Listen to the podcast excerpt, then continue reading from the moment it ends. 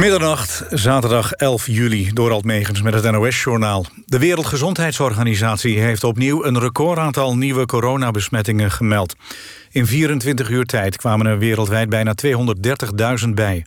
Het vorige record is van bijna een week geleden. Inmiddels zijn er wereldwijd volgens officiële cijfers... meer dan 555.000 mensen overleden aan de gevolgen van het virus. De grootste brandhaarden zijn volgens de WHO nog altijd de Verenigde Staten, Brazilië en India. Ook in Zuid-Afrika verslechtert de situatie. In de schaatswereld wordt bedroefd gereageerd op de dood van Lara van Ruiven. De shorttrackster overleed afgelopen avond in een ziekenhuis in Perpignan... aan de complicaties van een auto-immuunziekte.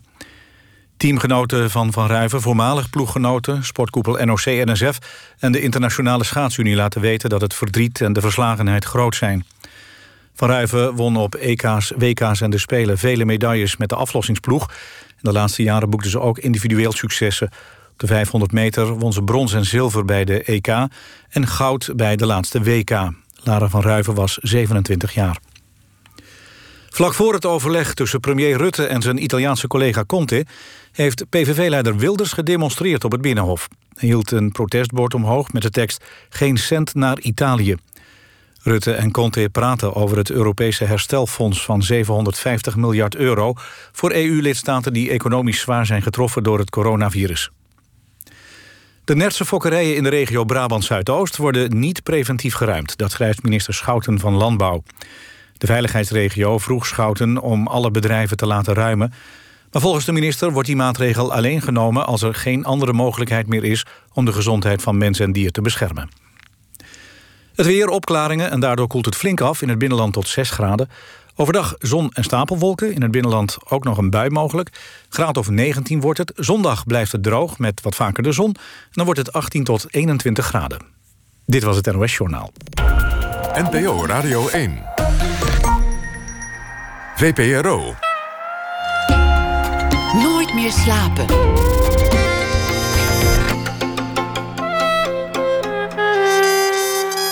Met Atze de Vriezen.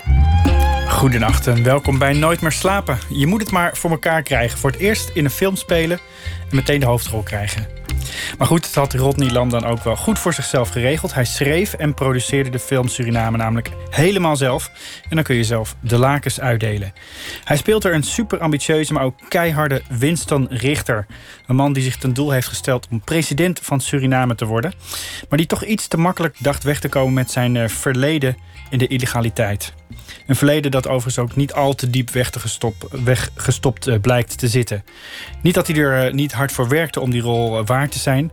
Om goed genoeg te zijn volgde hij maandenlang acteercursussen met de beste in het vak. En dat is de methode Rodney Lam. Hard werken en gewoon doen. Hij sleept dus in zijn project nog twee mensen mee...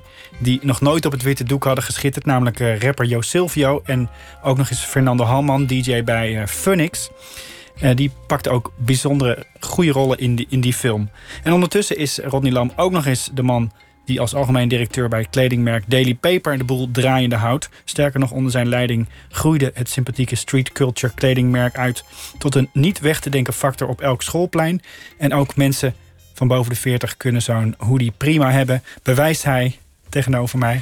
Welkom Rodney, dat, leuk dat je er bent. Dankjewel. Ja, we moeten het hebben over het uh, jasje van Jo Silvio.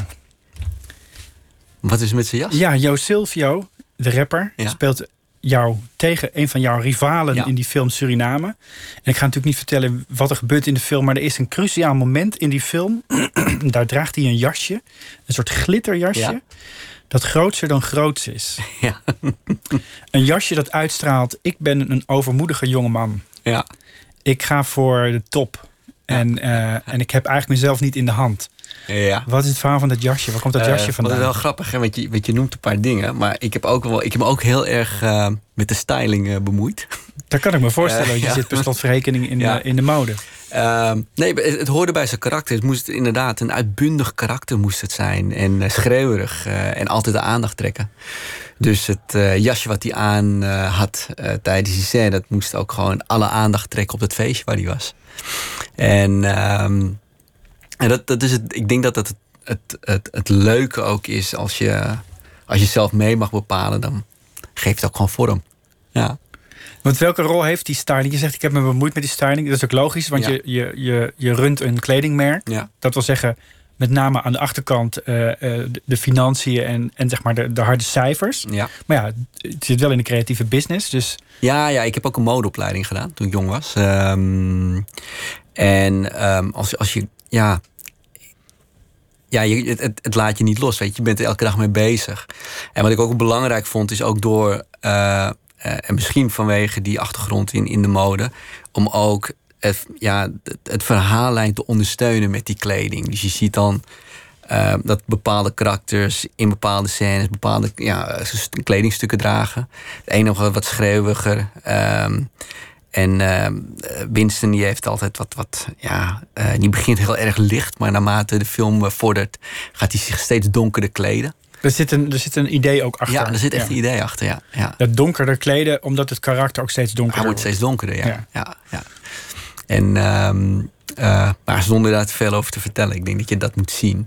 Maar het, het, eh, door dat te doen, vertel je het verhaal op, op, meerdere, op meerdere fronten dan alleen, eh, dan alleen met beeld of muziek dat ondersteunt. En je krijgt gewoon een totaal gevoel. Ik moest op de een of andere manier heel erg denken aan de Blaxploitation films uit de jaren 70. Ja. Superfly, Chef, dat soort films. Die ook altijd uitblonken in fabuleuze pakken. Ja, Is dat iets wat jou ja dat heeft, het is als wel... inspiratie heeft gediend? Ehm, ja, ja wel, wel, wel een beetje. Ehm, het, is, het is niet zo dat, dat ik het te dik bovenop wilde leggen, maar eh, ik, ik, ik ben er ook wel een beetje mee opgegroeid. Hè, dus ehm, je hebt altijd een verwijzing daar naartoe. En, en het doel was ook om gewoon een, ja, een zwarte film te maken. Ehm, je, je ziet ook gewoon maar Winston's vrouw is blank. En dat is ook de enige... eh, of ja, je, tegenwoordig mag je geen blank meer zeggen. Het is wit. Ja, voor mij mag je zeggen wat je Ja. wil. Maar wit is het Ja, inderdaad. het is wit. Ehm, hij heeft dus een witte vrouw. En zij, zij is ook de enige witte persoon in die film. Ehm, die, die, die een grote rol heeft. Dus het is... eh, ja, het, het moest ook wel gewoon echt een, een zwart product zijn. En ik denk dat ook wel in styling dus. Ook in styling. Eh, En eh, ook in de manier waarop ze praten. Ook in de dialogen. Ik denk dat eh, niet iedereen dat altijd door had. Hè. Dus het klonk soms heel, heel raar voor mensen. Maar dat is wel gewoon hoe Surinamers met elkaar praten. Ja. Je wilde een film maken over Suriname. Ja. Of die Suriname heet. Daarmee is het land ook een soort van karakter geworden in die film. Ja. Wat wilde je maken? Ehm, eigenlijk, ja.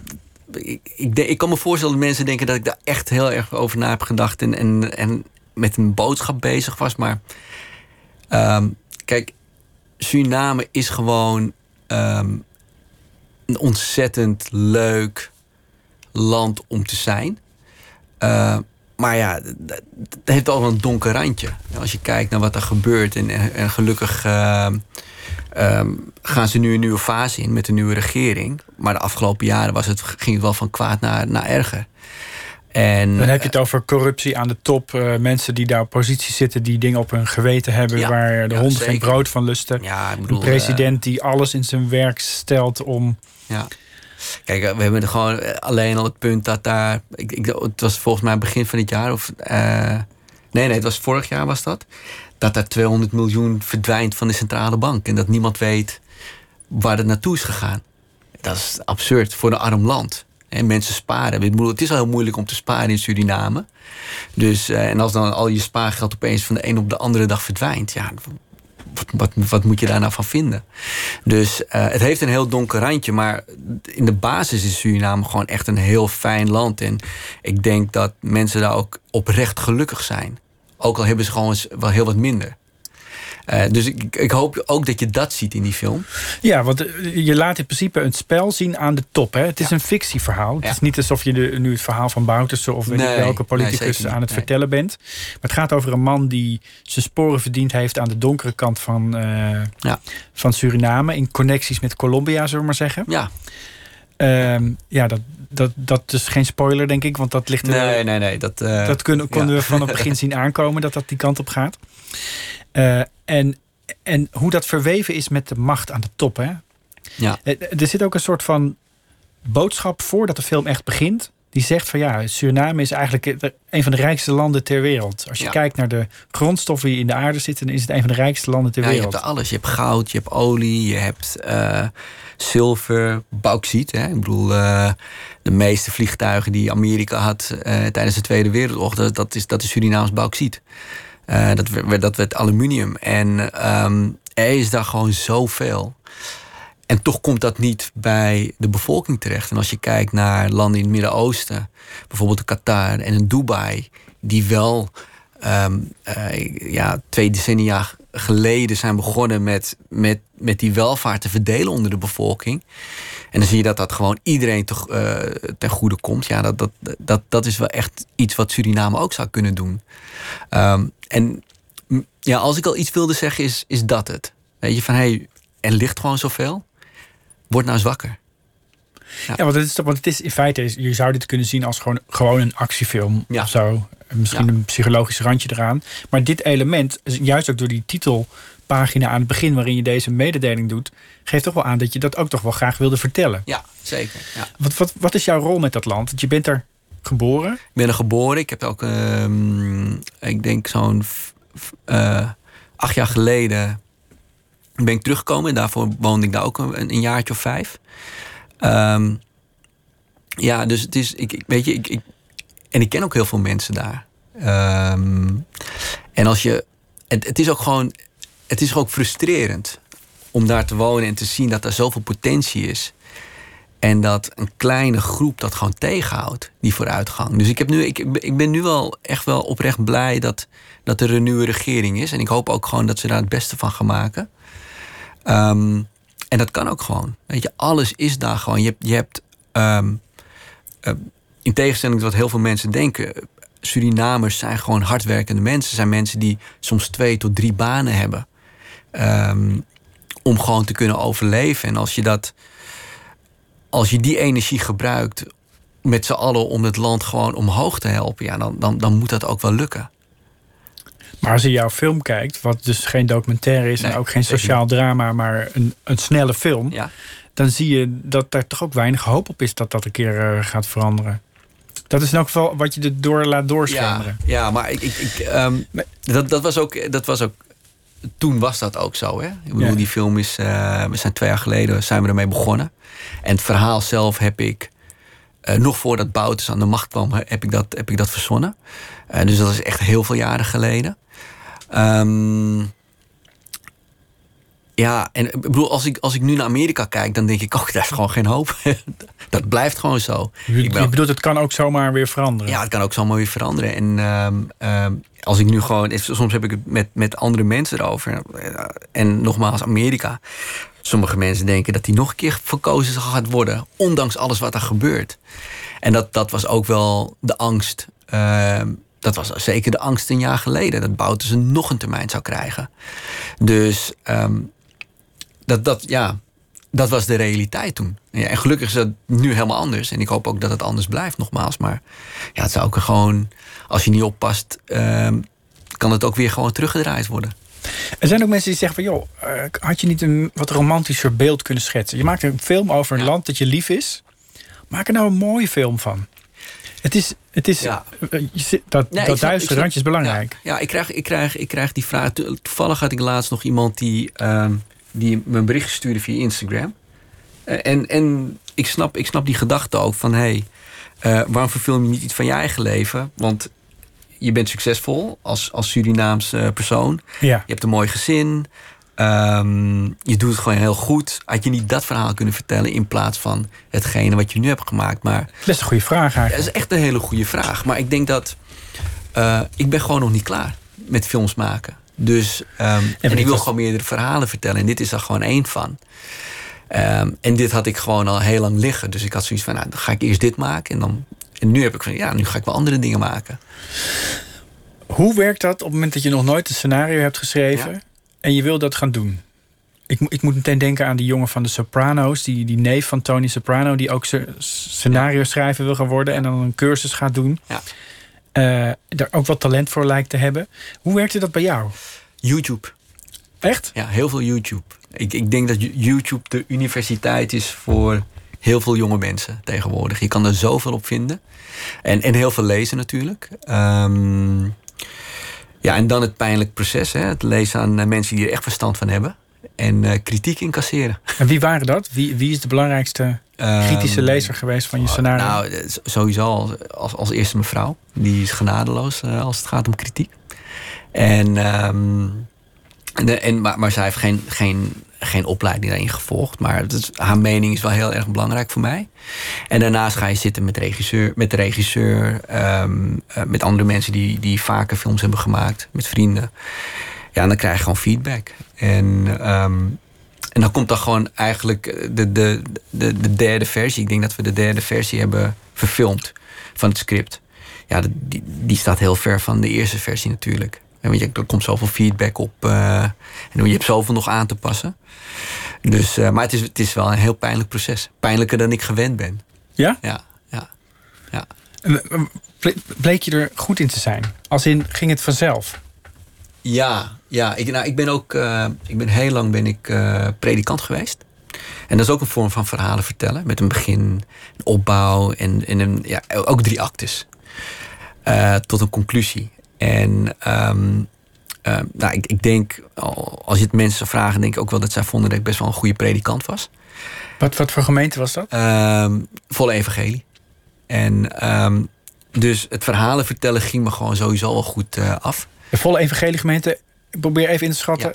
Volgens mij is dat een, een plek waarvan je verwacht wordt waar je, dat je vrij veel vuur in je verhaal legt. Ja, ja, echt met een, met een. Het is geen droge. Nee, het is geen droge, droge materie. Nee, nee, nee. Dat, dat, bedoelde ik echt met drie actes en verhalen vertellen en uh, opbouwen tot een conclusie. Um, en dus dat is, dat, dat is best wel uitdagend.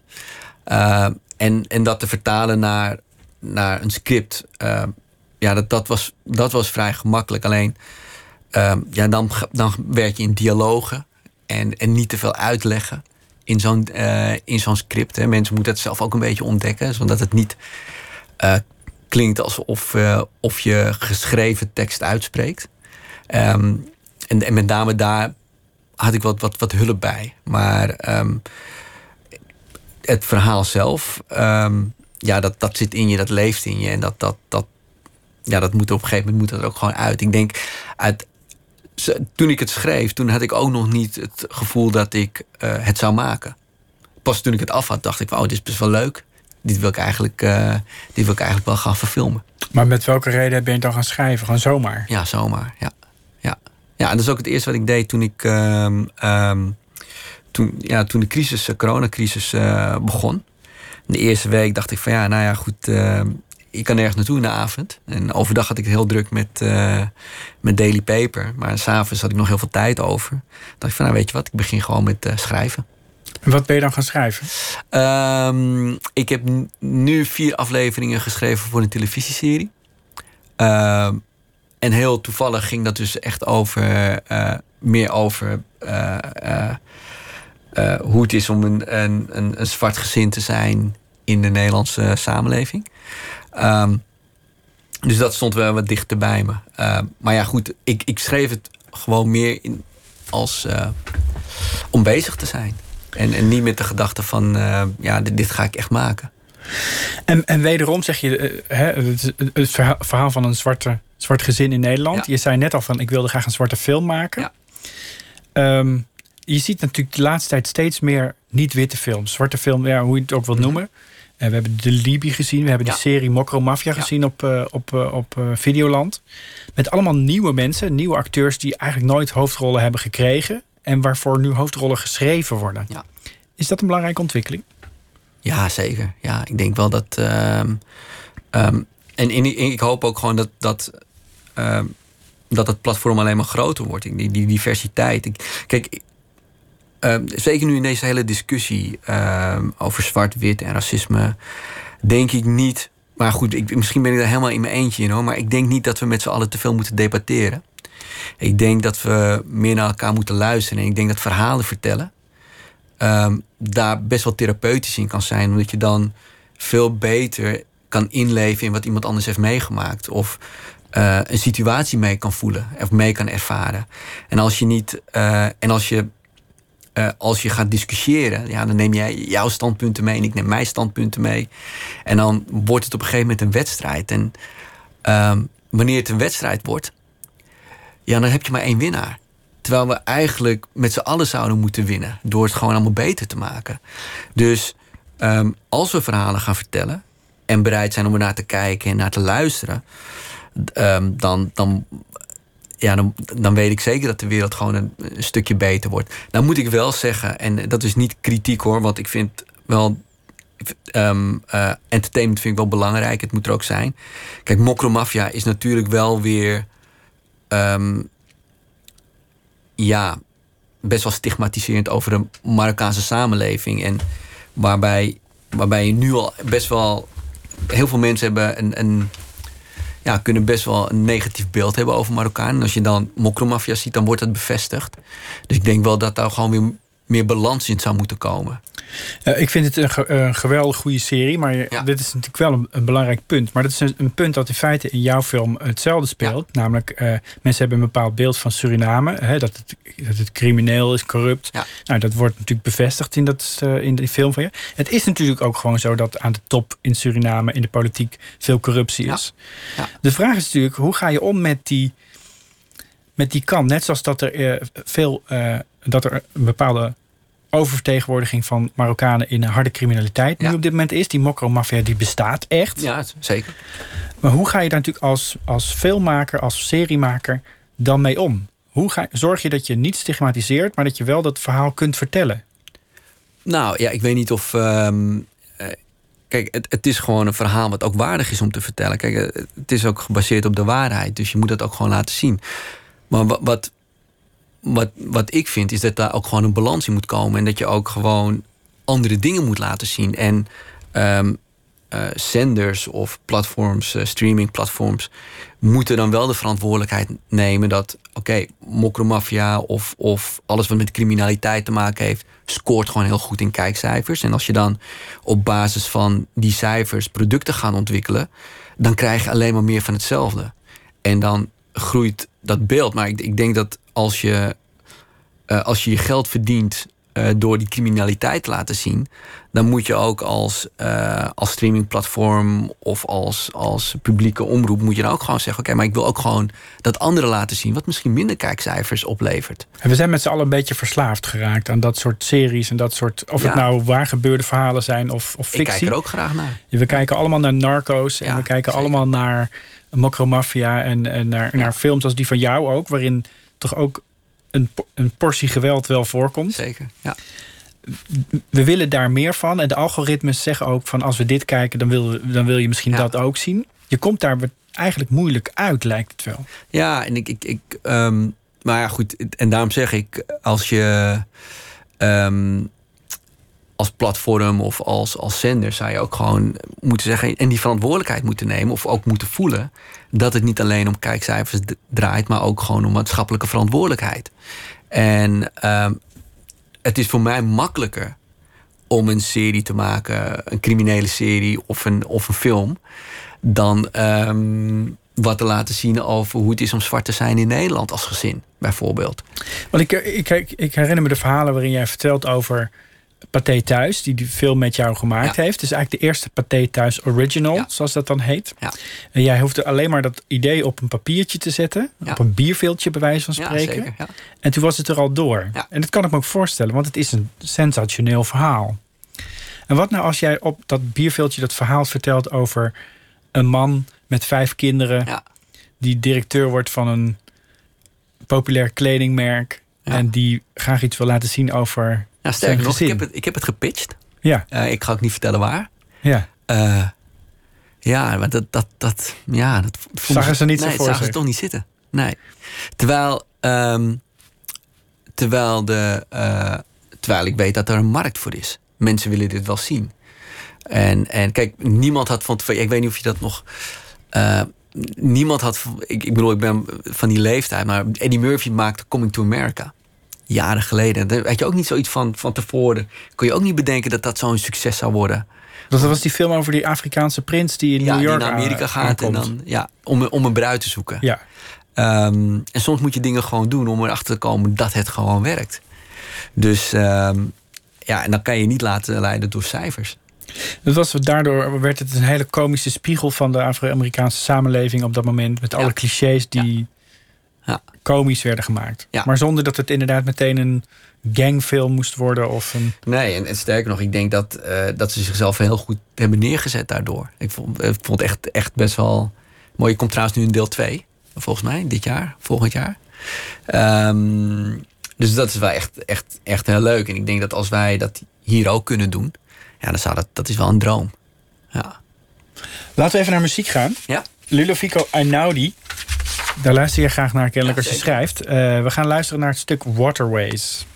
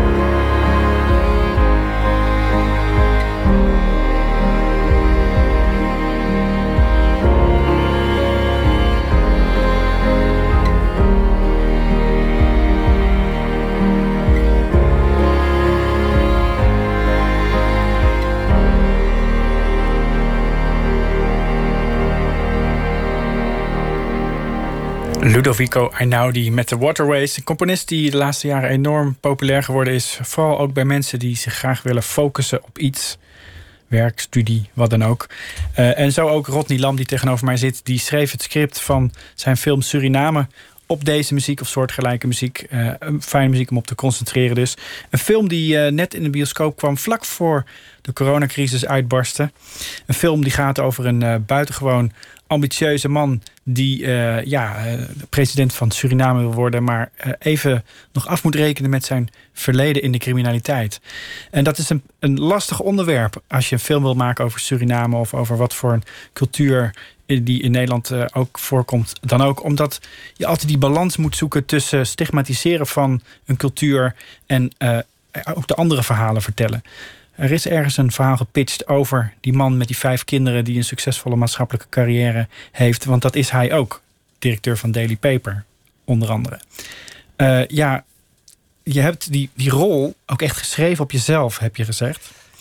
Um, en ja, je, je kunt natuurlijk een verhaal schrijven en vervolgens kijken wie daarbij past. Maar je, je wilde ook echt graag zelf die rol spelen. En het fascinerende vind ik dan ook dat als je gaat kijken naar jou als persoon en, en, en je, je cv en, je, en hoe je leven verlopen is, dan lijkt het alsof je in niets lijkt op deze man. Je bent al 26 jaar bij dezelfde vrouw, vijf kinderen, uh, een maatschappelijke carrière die uh, omhoog gaat. Geen verleden dat je tot nu toe uh, achtervolgd heeft. Nee, gelukkig waar, niet. Waar liggen dan de parallellen tussen jou en die Winston Richter? Uh, ik, denk, ik denk in het ambitieuze.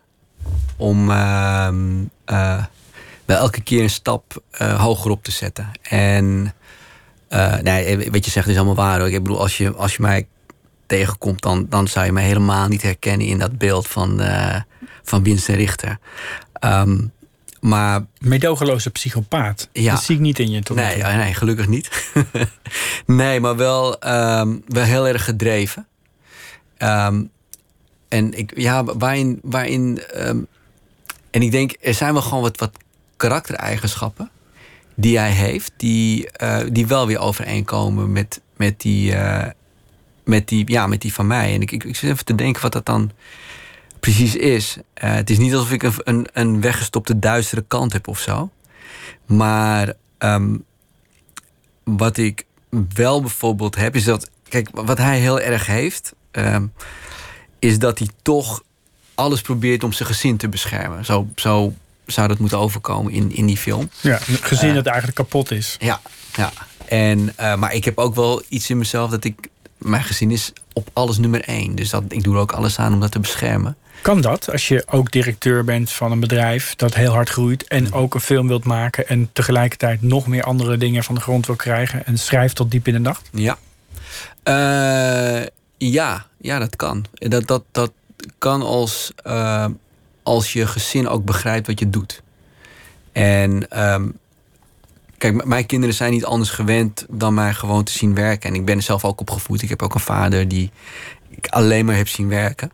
Uh, maar ik, ik betrek ze ook in heel veel. Um, mijn zoon, die heeft altijd, mijn oudste zoon, die heeft ook heel dicht met me gewerkt. Die heeft bijvoorbeeld uh, mede de filmposter gemaakt. Um, meegekeken in, in stukjes edit. Um, en uh, nou, mijn, mijn tweede zoon, die, die is net afgestudeerd in fashion. Dus die betrek ik dan weer daarbij in Daily Paper. dus, dus er is altijd wel iets wat ik met ze samen kan doen. Uh, dus we trekken heel veel samen op. Uh, ook als gezin. En uh, ik probeer wel altijd tijd te maken om, um, als ik in Nederland ben, want ik reis natuurlijk best wel veel, maar als ik in Nederland ben, ben ik thuis. Ga ik niet uit eten of ga ik niet met vrienden stappen of. het is werk en familie, dat zijn de, de twee. Ja, ja, dat is wel wat, wat. Ja, en als ik met mensen wil afspreken, dan is het altijd tijdens een lunch of, of een ontbijt maar nooit s'avonds. Is dat zo, een ontbijtje? Ja, ja, ja, vind ik ook leuk om te doen. Waar, waar, waar, is die drive begonnen? Van dat steeds maar een stapje hoger willen komen? Um, ja, ik denk dat het ook een beetje te maken heeft met. Uh, ik, denk dat, ja, ik denk dat je ook misschien zo geboren wordt. Misschien is het ook een stukje DNA of zo. Ik, ik, weet het niet. Ik, uh, ik weet wel dat. dat uh, ik had laatst had ik een, een, een interview, interview uh, in het FD daarover. En er zijn natuurlijk wel dingen in mijn jeugd gebeurd... waardoor ik zoiets had van, ja, dit, dit gaat mij niet overkomen. Ik, ik, ik bedoel, ehm, een van de dingen waar ik zeker niet tegen kan is armoede. Bij- toen mijn ouders eh, gescheiden waren, toen hebben we echt best wel een moeilijke tijd thuis gehad. En eh, het niet hebben heeft wel, wel gemotiveerd om dat gevoel nooit aan mijn kinderen te geven. Dat is ook een van mijn drijfveren om zo hard te werken, zodat mijn kinderen niks tekort komen. Maar wat betekende dat niet he- hebben? Hoe, hoe, hoe zag dat eruit? Nou, kijk, eh, een van de dingen waar ik mij echt enorm aan kan storen, eh, nu nog, en gelukkig is dat niet nodig, maar een lege koelkast. Dat is gewoon, dat is, als ik hem open doe, is dat gewoon een traumatisch beeld. Want soms was gewoon thuis de koelkast leeg. Of het laatste beetje tandpasta uit een tube proberen te persen. Ehm, ja, dat, dat is gewoon, dat, dat voelt heel armoedig. En dat zijn dingen die, eh, ehm, ja, dat, dat wens ik ook gewoon niemand toe. Zeker niet in Nederland, waar het niet nodig zou hoeven te zijn. En helemaal niet voor mijn kinderen. Dus die drive is, is, is deels om mijn kinderen niet dat gevoel te geven van armoede. Maar ook wel om een goed voorbeeld te stellen voor hun. Van dit is wat je kan bereiken door hard te werken. En je bent natuurlijk, je, bent, je hebt wat dat betreft alles zelf bereikt. Want eh, zelf opgeklommen in allerlei bedrijven. Je, in feite ben je vanaf nulpunt begonnen, omdat je hebt, je hebt de MAVO afgemaakt en dat was het. Dat Ja. is in principe niet het startpunt van een succesvolle carrière voor veel mensen. Nee. Hoe is het zo gekomen dat je uiteindelijk dat het toch ging werken voor je? Eh, door gewoon hard te werken. En eh, ik, ik werk al vanaf, denk ik, mijn. Na de MAVO ben ik gewoon gaan werken. En ik heb altijd hard gewerkt. Ehm, en, en dat zijn altijd dagen geweest van 7 uur s ochtends tot 11 uur s avonds. En ehm, ik weet wel dat ik bij mijn derde kind had ik zoiets van: nee, ik, ik moet eigenlijk wat meer tijd aan mijn kinderen besteden. Dus toen ben ik wel iets minder gaan doen, maar ook niet veel minder moet ik.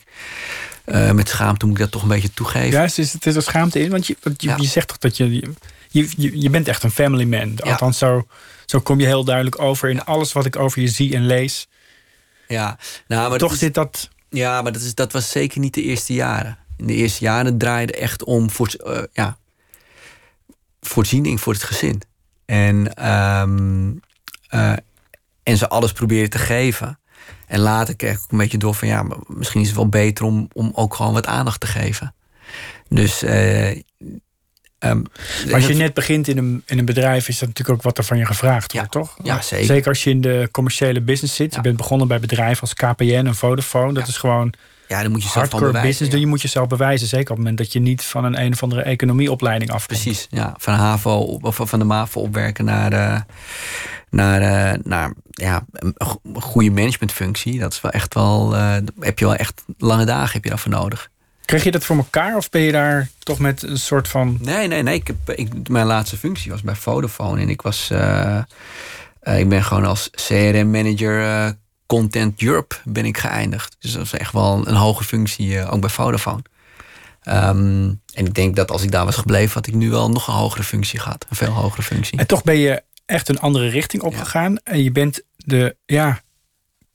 Het klinkt misschien gek als je het hebt over een kledingmerk, maar het is, het is een, meer een cultuurmerk ook eigenlijk. Ja. En dat geldt ook voor een bedrijf dat je waar je daarvoor zat, eh, Dirty Dutch. Ja. Dat is een, een, een, een feestorganisator, van DJ Chucky. Ook een jongen met eh roots daar waar jij ook je roots hebt liggen. Su- Is het je neef, ja? Neef, ja, ja. Eh, ook een Surinaamse jongen. Ja.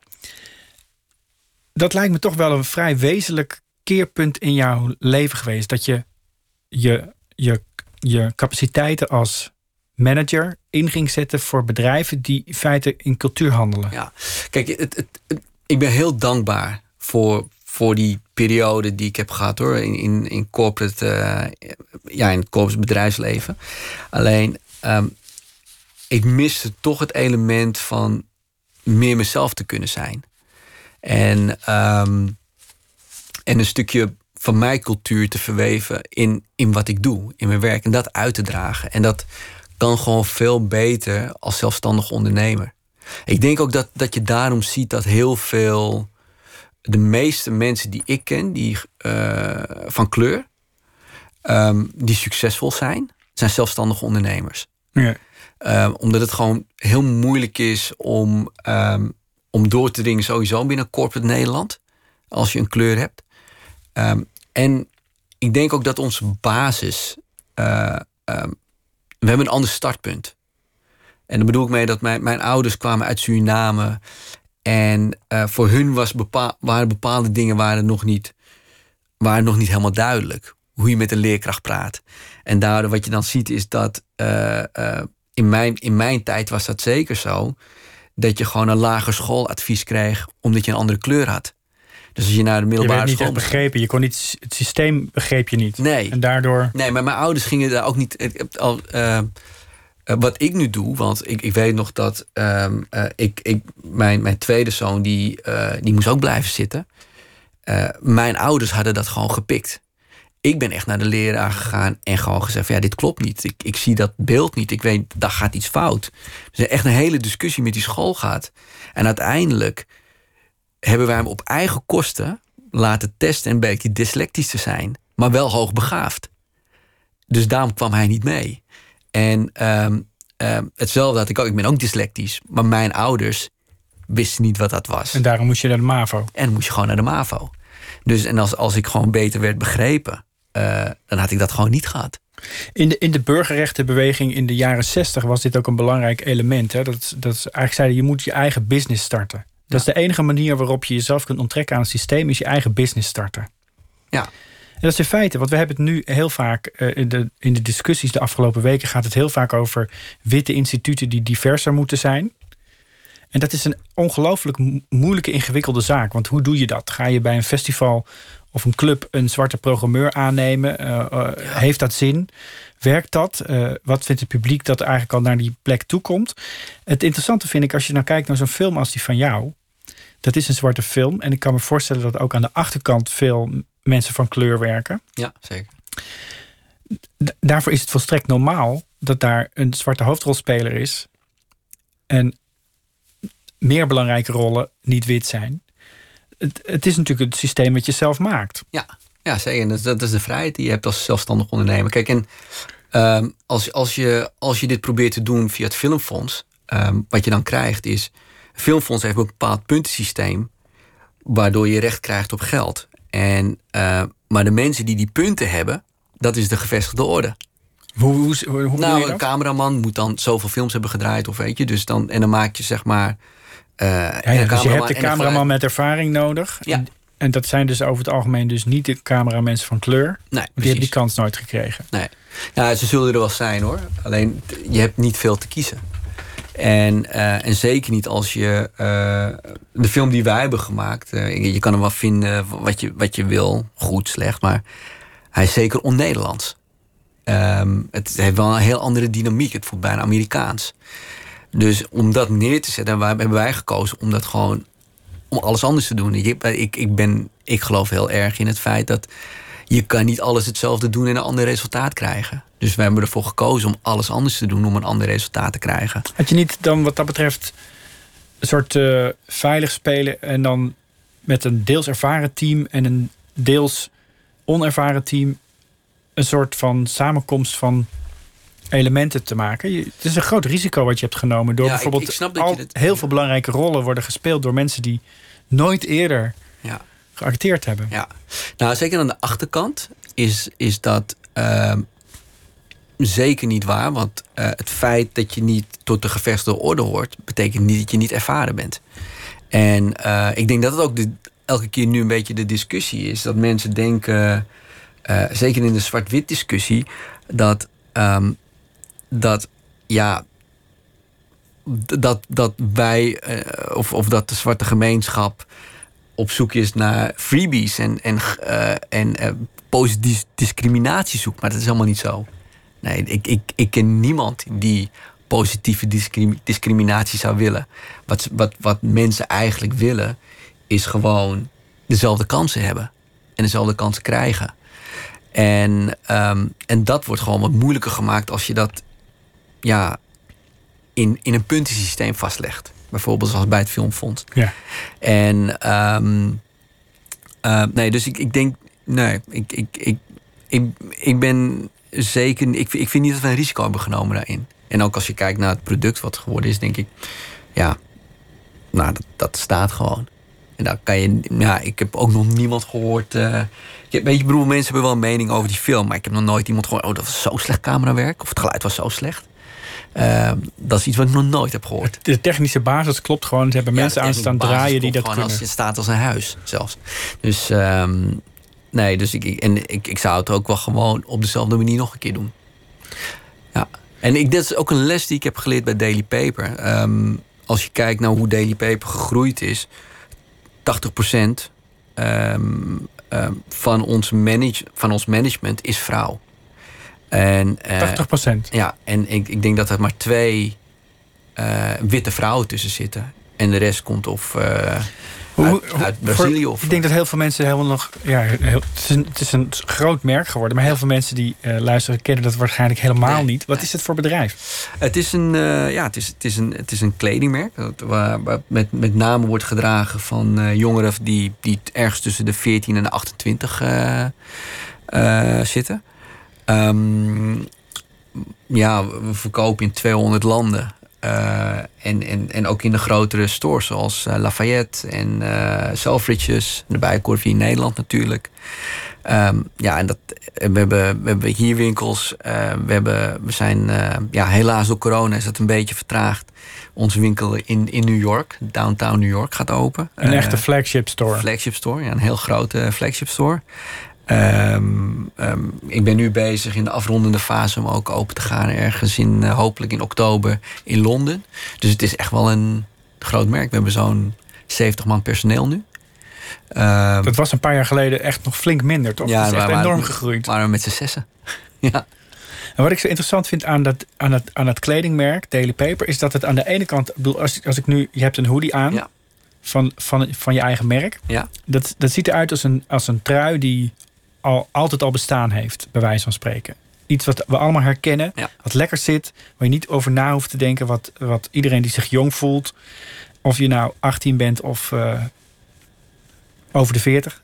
Als je jong Ja. voelt, trek je dat gewoon aan, makkelijk zat. Maar er zitten ook designs tussen die veel uitgesprokener zijn. Die, die echt de Afrikaanse invloeden hebben. Die de mensen die dat merk opgericht hebben met zich meegebracht Ja. hebben. Ja. En dat, dat verweeft zich op de een of andere manier met elkaar. Dat hele toegankelijk wat iedereen al kent. En een soort uitgesproken cultuurelement dat erin gebracht wordt. Ja. Is, dat is wel heel belangrijk, lijkt me. Ja, zeker. Want het is, eh, ehm, dat is denk ik ook waar mensen zich, zich mee identificeren. En eh, dat, dat futuristische Afrikaanse, wat we dan als, als, vaak als, ehm, ehm, als inspiratie gebruiken. Wat, voor een wat moet collectie. verstaan onder futuristisch Afrikaans? Ja, dat, ik denk dat het, ja, dat moet je zien, denk ik. Het is heel moeilijk uit te leggen. Want als we a- over Afrikaanse stijlen, dan denken heel, heel veel mensen vaak in eerste instantie juist aan traditionele Ja. dingen. Maar dat Ja. is het juist niet. Nee, dat is het, Het is- niet. Nou, we gebruiken natuurlijk ook wel eh, ehm, eh, patronen van stammen. En, en, eh, maar dat, dat is, het is niet. Het, het heeft niet een stoffig randje. Het is altijd, er zit wel altijd een, een bepaalde progressie in. En eh, ehm, ja, het is, het is moderner gemaakt. Zoals de muziek die we net hebben geluisterd. Dat zou je ook gewoon klassiek kunnen noemen. Maar het is wel van deze tijd. En met Daily Paper is het dan nog veel jonger. Ehm, maar het is wel gewoon, het is wel een stukje oudheid, cultuur. Is gewoon, eh, ja, de 5.0 geworden. Je bent er eigenlijk nog niet zo heel lang. Het, het merk Nee. bestaat een jaar of tien. Jij zit er de laatste drie, vier jaar Ja, bij, ja, denk ik. ja. Hoe trof je het aan en wat is er gebeurd? Ehm, hoe trof ik het aan? Ja, nou, eh, het kantoor was, ehm, was nog aan de achterkant van de winkel. En daar staat. eh, en was- Amsterdam? in Amsterdam. Het was een heel, heel eh, ja, een klein kantoortje. En er zat nou, vier tot zes man zat daar. En de andere helft van, van het kantoortje was nog opslag. Alle kleding lag daar. Dus een- en ehm, ja, en, en toen ging het opeens heel hard. Ik kwam erbij. En dat ging echt in een sneltreinvaart. Waar zat hem dat in? Ehm, de echtheid, denk ik. Ik denk dat. ehm, weet je, wat je net zei, Daily Paper is, is, is ook heel veel cultuur. Waar mensen zich mee kunnen identificeren. En waarbij, en dat is het mooie, denk ik, van, van een merk als Daily Paper. Ehm, als je kijkt naar de high-end brands, zoals Gucci, eh, Prada, Louis Vuitton, dat is heel erg exclusief. En het mooie van Daily Paper is dat het inclusief is. Dus iedereen hoort daarbij. Ik bedoel, jij zou zo op een, eh, een Daily Paper evenement kunnen komen. En je past er perfect tussen. En, ehm, en of, daar, daar, daar is gewoon ook gewoon echt geen kleur. Er is geen gender. Dat is gewoon echt één groot feest altijd als we samen zijn. En dat, die aansluiting, dat je daarbij hoort, dat maakte dat mensen. Ik, voor mijn gevoel is kleding een bijproduct van het verhaal wat verteld wordt. Door, door Daily Paper? Ja. ja. En, en wat is dat verhaal dan? Ja, inclusiviteit is dat je er gewoon bij hoort. En, dat is zo'n zo'n zo'n term waar heel veel mensen nu mee worstelen. Ja. Heel veel, wat, wat ik net al zei over clubs en festivals en, en culturele instellingen die willen of die moeten. Het wordt van hoge hand opgelegd. Ja. Het wordt van ze gevraagd. Het wordt van hun, hun achterban wil het. Inclusiviteit, dat is het toverwoord. En heel, heel veel mensen worstelen daarmee. Ja. En op de een of andere manier is dat bij zo'n merk als Daily Paper van nature zo gegroeid. Ja, nou kijk, we hebben natuurlijk wel een voordeeltje, dat we jong zijn. En we zijn zo. Uh, wij zijn altijd gedwongen om zo te denken. He, ik bedoel, we zijn zo opgegroeid. Je, uh, uh, voor ons is inclusiviteit gewoon een gegeven, omdat je, ja, zeker op school. ik, ik ben opgegroeid als een van de, van de twee donkere kinderen in de klas. Dus ja, ja ik, ik moest gewoon blanke vrienden hebben. Zit, dus, die, zit die enorme groei, dat is natuurlijk wel een interessante kwestie. Die enorme groei van de afgelopen jaren, zit die ook in een crossover naar het witte publiek? Zeker, ja, absoluut. Want, want dat krijg je natuurlijk op een gegeven moment dat. In, Op de witste scholen in Beeldhoven dragen, dragen mensen ook jullie kleding. Ja, dat is volstrekt normaal geworden. Ja, nou, maar daar zijn we ook heel dankbaar voor. En dat, dat heeft ook te maken met die uh, inclusiviteit waar we het over hebben. Ook, ook zij horen daarbij. En um, Um, ja, dat, dat, dat is het mooie, denk ik ook. Van, het, het leuke van. Een, ja, Daily Paper verbindt gewoon. En dat is echt wel heel bijzonder. Echt heel bijzonder. Het lastige daaraan vind ik dat je op een gegeven moment vaak ook de discussie weer andersom krijgt. He, Dat, een, dat een, een kledingstijl of een cultuur of een bepaalde soort, soorten muziek of wat dan ook. Wordt op een gegeven moment wit gewassen. Uh, de, de, de zwarte roots worden bijna vergeten soms. Ja. En dan krijg je dus het probleem dat het eigenlijk zich toegeëigend is door witte mensen. Ja. En die, die, die diversiteit weer verdwijnt. Dat is, dat is een hele eh, ingewikkelde zaak. Ja, maar dat heeft denk ik ook te maken met uh, hoe je bedrijfsvoering. Uh, ja, hoe je bedrijfsvoering inricht. En ook heel veel heeft te maken met. kijk, groei kost geld. En als je niet aan geld kan komen ehm, door het bij een bank te lenen of uh, genoeg opzij kan zetten om je eigen groei te financieren, ja, dan kom je heel snel bij een venture capital maatschappij. En, en de meeste zijn gewoon, zijn gewoon wit. Ehm, en met name als die denken dat zij weten hoe je zo'n merk moet, gaan, uh, moet leiden, ja, dan krijg je problemen. En dan, dan gaat de ziel ook eruit. Dus dan, dan... Daar heb je ongetwijfeld mee te maken gehad. Met beslissingen die hier aanraken. In die afgelopen jaren dat je die groei hebt. Nee, gelukkig niet bij Daily Paper. Nee, nee, nee. Uh, Daily Paper is nog steeds volledig privately owned. En, um, uh, en dat, dat, is, ja, dat, dat willen we ook wel even zo houden.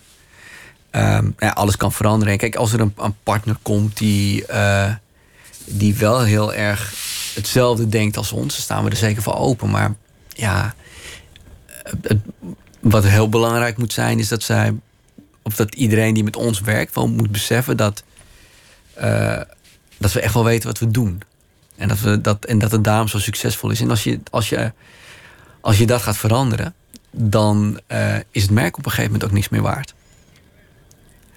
Dus ik zou het, ik zou het vooral niet aanraken. Nee. niet aan de kern van het eh, bedrijf raken. En, en ook beseffen dat die, inderdaad die, die cultuur misschien wel. De, het is belangrijker dan het design. Het, ja, die ziel zeker. Ja. is het eigenlijk. Ja, nou, natuurlijk, je moet wel goede designs hebben. Maar, um, maar, maar het, het, het, ja, het, de cultuur is wel minimaal net zo belangrijk, inderdaad. Ja. Je, je film kreeg keihard te maken met de coronacrisis. Ja. Want die draaide net één week in de bioscoop. Ja, twee weken, ja. Of twee weken. En toen uh, moesten alle bioscopen dicht. Dat, dat lijkt me toch een keiharde deksel op je neus. Ja, ja. Hoewel je natuurlijk in feite die deal al had gemaakt met Pathé thuis, waardoor die daar natuurlijk eh, wel is. Maar Ja. dat is toch echt anders. zeker. Ja, absoluut. Is dat een strop? Ehm, ja, financieel is dat niet, is dat niet prettig natuurlijk. Ehm, eh, en ik, uiteindelijk, ja, uiteindelijk eh, zal dat wel weer goed komen, want we, we hebben nog wel even de tijd. Maar ehm, ja, het is, het is, weet je, je wil gewoon dat mensen je film in de bioscoop zien. En dat is het, dat is het, dat is het meest erge eraan. En hoe zit het met Daily Paper? Want dat is natuurlijk een heel ander bedrijf. Ja. Hoe, Ja. hoe heeft dat de crisis doorstaan? Nou, kijk, de eerste week was natuurlijk, eh, was natuurlijk voor, voor alles slecht. Hè? Ik bedoel, eh, Iedereen dacht ineens, wat gaat er gebeuren? Ja, ik, ik denk... Blijf even dacht, zitten waar ik zit. Van, van gaat de wereld. Nu heb ik nog wel wat aan een t-shirt als ik het nu koop. Dus, ehm, eh, maar heel snel kwam het herstel bij Daily Paper. En ja, tegen de trend in ehm, zijn we eigenlijk alleen maar gegroeid. Dus en gelukkig zitten wij net in zo'n brand. Je, je zei het al, we hebben ook hele complexe, mooie stukken. Maar we verkopen ook heel veel t-shirts en hoodies. En dat bleef gewoon echt heel goed doorgaan. Dus ehm, ja, we hebben gewoon leisurewear. Gewoon wat, wat je aan kan trekken eh, thuis. Maar ook als je naar, naar de supermarkt gaat. Dus ehm, ja, dat bleef wel wel lekker goed doorverkopen. Daar zijn we ook heel dankbaar voor hoor. En nu, want je hebt die film, je hebt dit Ja. bedrijf, je hebt de ambitie om meer te gaan doen. Ja, absoluut. Zijn, zijn ze je bij Daily Paper nu kwijt aan de rode loper? Nee, nee, nee, zeker niet. Nee, nee, nee. Ik, ik moet ook heel eerlijk zeggen, ik, eh, ehm, bij de film heb ik me voornamelijk gericht op het creatieve gedeelte. En bij Daily Paper richt ik me voornamelijk op het technische gedeelte, dus productie en eh, zorgen dat we alle deadlines halen. Ehm, en bij beide, eh, bij beide onderwerpen heb ik gewoon een, heb ik hele goede teams. Ik heb gewoon echt zo'n goed managementteam bij Daily Paper. Houden, halen zoveel werk uit handen. Ehm, en zelfs met, ook met die film, er werd van alles werd daar geregeld. Dus eh, ik, ik verschijn waar ik moet zijn. En, en ik neem ook de beslissingen waar ik ze moet nemen. Maar ik ben sowieso geen micromanager, dus doe vooral wat je moet doen. Ja, want je bent, je bent ook een, een cijfer cruncher aan Ja. de achterkant. Iemand die, die, die, de, die de boel op een rijtje moet houden. Ja. Is dat een rol die je ook in de filmwereld zou kunnen of willen spelen? Ik zou het wel kunnen. Ik, ik zou Producer niet- van films? Nee, ik zou het niet willen, denk ik. Ik vind, ehm, eh, ik vind het gedeelte van schrijven vind ik gewoon te leuk. En, en ehm, ik kan heel goed creatief zijn. Ik kan ook heel technisch kan ik zijn. Ik kan ze niet tegelijk. Dus ik moet wel kiezen.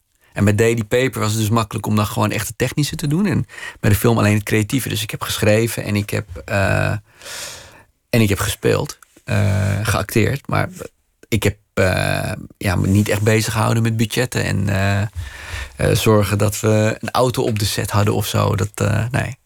Nee, daar ben ik ver dat- vanaf gebleven zelfs. Maar dit is misschien ook juist omdat je dat eigenlijk in de rest van je werk al steeds doet. Ja, precies. Ja, Dat laten we gewoon even aan iemand anders over. ja en het, het, het leidt ook af. Als je gaat acteren, dan moet je hoofd helemaal leeg zijn. Ja. Dan moet je niet nadenken over oh, hoeveel gaat deze scène kosten en is het er wel waard? En, nee, dat moet je, daar moet je helemaal niet aan denken. Dankjewel Oh. dat je hier was, Rodney Lam. Het eh, uur is omgevlogen. Nou, dat was heel je, snel je film draait dus niet meer in de bioscoop. Nee. Is hij ook niet meer teruggekomen eigenlijk in de bioscoop, nu de bioscopen er weer zijn? Eh, nee, want hij, staat gewoon op paté thuis. Ja, Ja. daar is hij dus te zien. Ja. Eh, er komt een eh, serie aan over eh, het leven van een eh, man met vijf kinderen en een eh, succesvolle carrière. Waar, dat eh, moeten we nog even Ja. zien. Een web, eh, webshow misschien. Precies, ja. YouTube is er ook nog, hè? Eh, dankjewel dat je hier was, eh, Rodney Lam. En maandagnacht dan is acteur Hein van der Heijden te gast. Hij eh, maakt de improvisatievoorstelling Vanwege F... over zijn schoonvader die in maart overleed aan de gevolgen van COVID-19. Voor nu een hele goede nacht.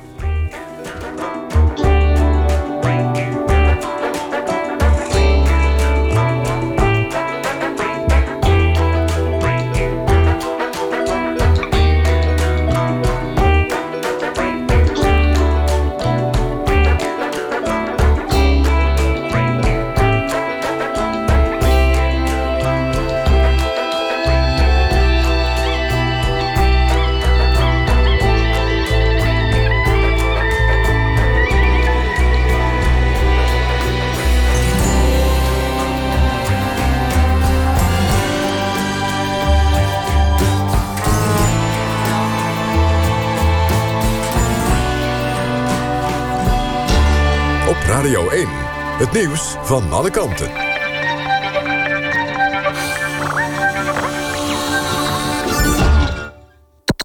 NPO Radio 1.